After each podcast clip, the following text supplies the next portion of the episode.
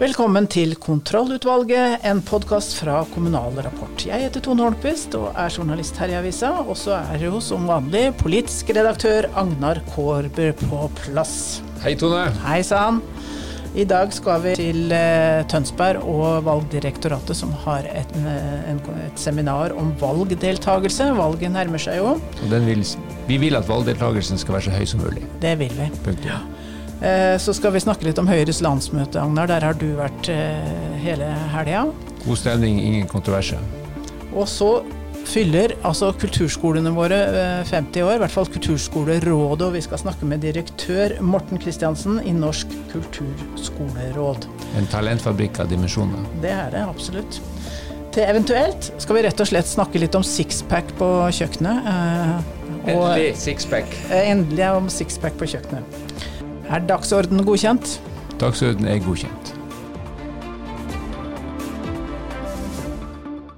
Denne helga har det vært eh, landsmøte for Høyre, og eh, vi snakka jo i forrige eh, sending med Modassar Kampur, som er på, på, Stortinget for Høyre, om dette landsmøtet. Du var der, Ragnar. Var det noe liv og røre og kontroverser?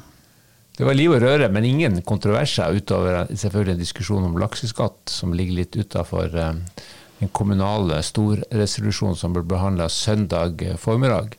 Da var vel eh, delegatene litt prega av at jeg hadde vært på fest, landsmøtefest dagen før, hvor eh, Høyres ordførerkandidat i Trondheim angivelig gjorde en god figur, ifølge partileder Erna Solberg. Det som jeg la merke til under debatten om storresolusjon, det var at eh, alle de, som tok ordet der, var opptatt av å snakke om en enkel sak, hilse hjem. Det var, noe, det var, ikke noe, diskusjon, det var ingen som tok replikk på hverandre. Det var ikke noe uenighet om noen spørsmål. Det var, man slutter rekkene bak Erna eh, og, er klart for å hoppe inn i den valgkampbussen som hun skal nå fortsette å reise rundt med i Norge. Og kommunereform, altså det står jo at det skal fortsette, men det var ikke noe de ønska å flagge høyt, forsto jeg? Den saken vil jo eh, ikke ha noe debatt om. Det sa jo eh, Lillesand-ordfører Einar Holmer Hoven til NRK i løpet av landsmøtet at det, hvem er det som vil gå til valg på å legge ned sin egen kommune? Et godt poeng. Ingen vil gå til valg på det. Men jeg la jo merke til at det var en ordførerkandidat fra Valdres som mente at de seks kommunene der burde slå seg sammen. Men noen stor debatt om det vil de altså ikke ha. Kommer det etter valget, da? Muligens at det kommer etter neste stortingsvalg, det vet jeg ikke. Men nå var de opptatt av å, å slutte rekkene, finpusse dette omfattende programmet, og så dra hjem og starte valgkampen. Og de har jo åpenbart ambisjonen om å vinne tilbake svært mange kommuner. Ja, særlig storbyer, ser jeg. At eh, de er eh, Storbyene har de sikte på, på dem, ja. mellomstore kommuner, men også så blir det spennende å følge debatt, eh, valgkampen i distriktene. Klarer de å posisjonere seg i f.eks. kystkommunene, hvor den lakseskatten har skapt en del debatt.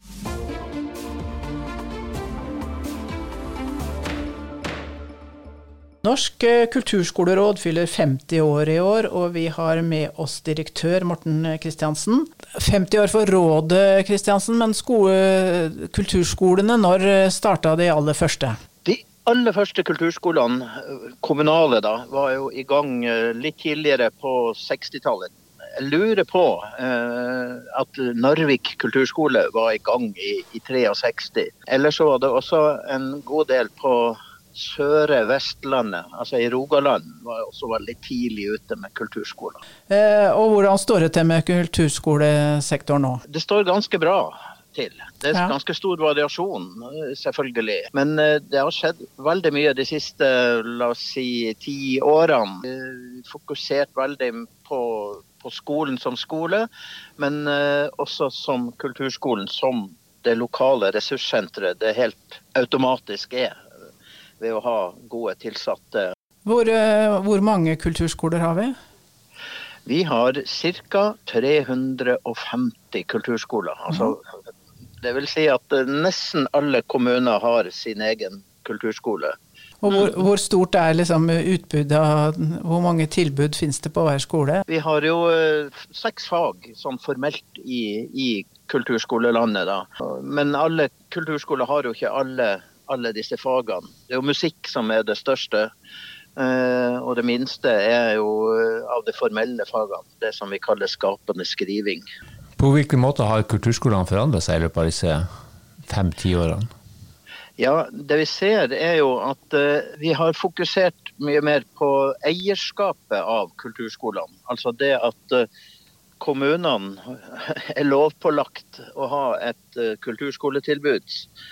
Innebærer at de som eiere av kulturskoler faktisk må, må gjøre seg opp en mening om hva de vil eie. Gjør de det? Ja, vi opplever det. Det vi kaller perspektivskiftet det siste, er jo at vi har gjort uh, mye arbeid mot kommunene som eiere for å bygge kapasitet. Få kommunene til å se det potensialet som kulturskolen har. Vi får jo noen rapporter fra, fra noen kommuner hvor, hvor f.eks. kulturskoletilbudet for enkeltelever er det møtet de har utafor sitt eget soverom i løpet av uka. Jeg tror også det er viktig for eh, å, si, bygge selvtillit hos unger som har behov for et annet tilbud enn eh, nødvendigvis eh, fotball eller eh, idrettsbiten. Og så tenker jeg at kulturskolen har en rolle eh, utover det å være eh, en opplæringsinstitusjon i i kulturfag, spesielt inn mot eh, jeg kaller det å være bindeleddet mellom det kommunale og det frivillige i, i kommunene. Noe som også er tydeliggjort i, i loven. Mm. Hva ligger det i dette med ressurssenter? Når, når kommunene tilsetter en haug med dyktige lærere, så dannes det automatisk noen ressurser som eh, vil bli benytta i kommunene.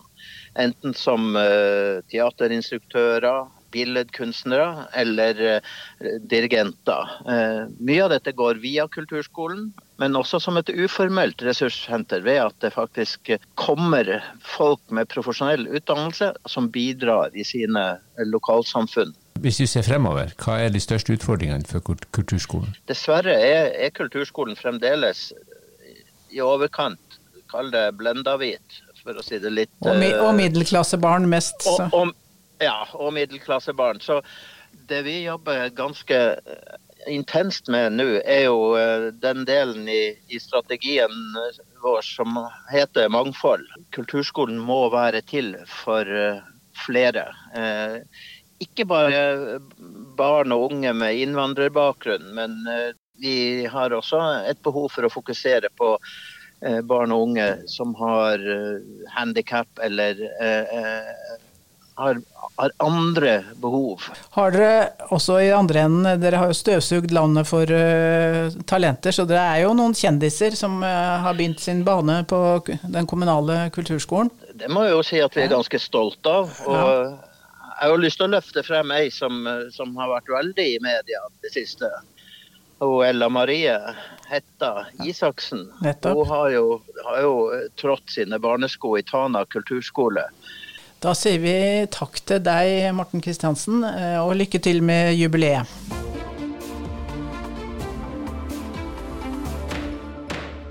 Eh, forskningsleder Johannes Berg ved Institutt for samfunnsforskning Eh, valgdeltagelse, det er det som er tema for eh, seminaret her på Valgdirektoratet i Tønsberg i dag. Hvorfor er det så viktig med valgdeltagelse?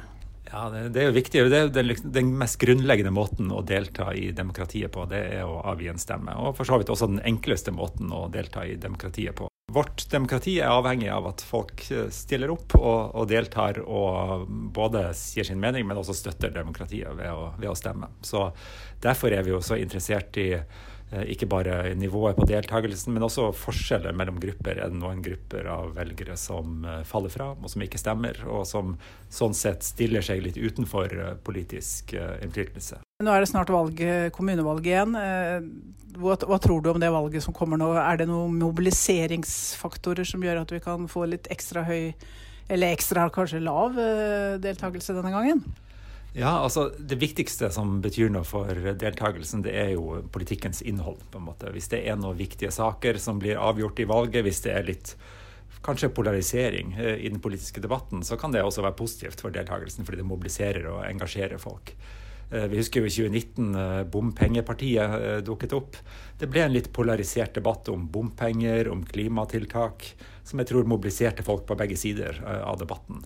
Og den typen Eh, ja, litt uh, skikkelige diskusjoner i offentligheten kan bidra til å mobilisere. Men, uh, og en sterk Senterparti-vind ved forrige valg? Det var det absolutt ved forrige valg, og nå kan det jo være litt mer av det motsatte, kanskje. En protest mot den sittende regjeringen som gjør seg gjeldende. En protest mot strømpriser og høyere inflasjon osv. som som kan eh, ha et, et, slags potensial for å mobilisere folk. Men eh, det, det, blir spennende å se. Vi vet jo ikke helt hva som vil skje frem mot valget. Vet du noen kommuner hvor eh, det er store motsetninger som kan dra opp deltakelsen? Ja, altså det er jo mange kommuner hvor valget er ganske spennende. Altså I de store byene så, jo, så styrer jo Arbeiderpartiet stort sett. Der kan det jo bli en, en, en jevn kamp om, om, makten, som i seg sjøl kan være mobiliserende. Fordi det, det er et, et, avgjørende valg, på en måte. Eh, og så kan det være mange lokale saker rundt omkring. Det er det jo alltid. Ja, at det kan, det kan ha med Eh, en type saker som mobiliserer, kan jo være skoler eller eh, ja, beslutninger knyttet til skolenedleggelser f.eks. skaper konflikt. Det kan være eh, infrastruktur eller, eller helse eller, mange saker som mobiliserer lokalt. Og, det kan være bestemte politikere, altså en populær ordfører eller en upopulær ordfører, som bidrar til å, å skape debatt. Det er kommet noen nye partier. Eh, ser du noen av dem som kan eh, nå gjøre, få et gjennombrudd og komme inn i kommunestyrer og fylkesting? Ja, ja det, det, kommer jo eh, stadig nye partier. Et parti er det nye Industri- og Næringspartiet. Som jo er, har et ja, Kanskje mobiliserer litt på en slags protest da, mot, mot strømpolitikk bl.a. Eh, og, og, og dem har vel også bompenger som eh, en av sine favoritter? Ja, det, det har de, og, og, de har vel kanskje tatt opp i seg litt av den bompengeprotesten eh, også. Så det, det, er en type parti. Det, jeg forstår det sånn at de har klart å stille liste mange steder, og, sånn sett har et potensial til å, til å gjøre det bra. Så den typen protest særlig, kan særlig være effektiv i lokale valg. Eh, fordi da det skal, terskelen for å bli valgt inn er ikke så veldig høy. Eh, så, så det er mulig for et sånt parti å få et slags eh, gjennombrudd. Hva tror du om nye partiet Sentrum versus KrF? Det er en interessant konflikt? Mm. Ja, det er interessant. Altså, utfordringen er jo at de, den velgergruppen blir mindre over tid. KrF har, har mistet velgere, og, og samfunnet blir jo mer sekulært uh, over tid. Så, så, det blir på en måte en, en, uh, en mer avgrenset velgergruppe som kan være viktig i enkelte kommuner, men som, ikke, som har svekket kraft i nasjonal politikk. Og, og, sånn sett kan man si at, de, at, det at de velgerne splittes mellom flere partier, er uheldig for deres innflytelse. Stortinget har stemt ned stemmerettsalder for 16-åringer. Hva mener du om det? Eh, ja, vi har jo utredet dette for eh, Kommunaldepartementet tidligere, og vi finner jo eh, for så vidt at, at stemmerett for 16-åringer nok ikke har så stor effekt. Altså Det betyr ikke nødvendigvis så veldig mye på f.eks. partienes oppslutning. Så, så det, jeg, tenker at det er ikke noe krise at det ikke blir innført, men, men det betyr jo mindre politisk innflytelse for de Eh, yngste eh, og for unge velgere, som jo skal som er fremtidens eh, velgere, og som også blir påvirket av mange av de politiske beslutningene som fattes. Hvem er den beste aldersgruppa til å gå og stemme? Det er de eldre. Altså 60- og 70-åringene er de mest aktive velgerne. Men, men, mens de minst aktive er jo da velgere sånn tidlig i 20-årene. Da er vi klar for eventuelt og vi skal se på jobbannonser i Kommune-Norge. Da skal jeg lese denne her for deg. Vestre Slidre sykehjem søker etter en singel mannlig institusjonskokk på ca. 45 år. Det er ønskelig om du har sixpacks og passe store biceps. Det er feil på en rekke områder. Du kan jo ikke søke om en mann i en sånn stilling. Og så er det sånn at vi menn må gå rundt med passe store biceps og sixpack. Altså, det må hvor dere, er er mulig å bli. Her er det damene på kjøkkenet som har eh, beskrevet sin, beskrevet sin drømmemann. Kanskje. Og så har han eh, havna i jobbannonsen. Men hva, hva, tror du hadde skjedd hvis det var bare menn på det kjøkkenet, og så skrev de vi ønsker en ung, pen kvinnelig kollega med store pupper og faste rumpeballer. Hva, hva tror du hadde skjedd da? Ja, siden et kjøkken så hadde det blitt stor rengjøring og en skikkelig oppvask. Ja. Og nå, det bør det for så vidt være nå også. Man må ikke drive og være, ha, altså Arbeidsplasser må være mye mer seriøse enn det. De, man kan ikke drive med humor på arbeidsplasser. Det er, det er en liten glipp, sier eh, kommunedirektør eh, Rolf Stalenge i Vestre Slidre kommune. Og så glemmer de det. Men uh, hvis det hadde vært omvendt, da spørs det hvor fort da, da, måtte noen gå, tror du ikke det? Antageligvis, men vi får si at denne saken er ferdigbehandla i kontrollutvalget. Denne sendinga er laget av Tone Holmquist, bak spakene og Agnar Korbe. Ansvarlig redaktør for kontrollutvalget og Kommunal Rapport er Britt Sofie Hestvik. Vi høres etter påske.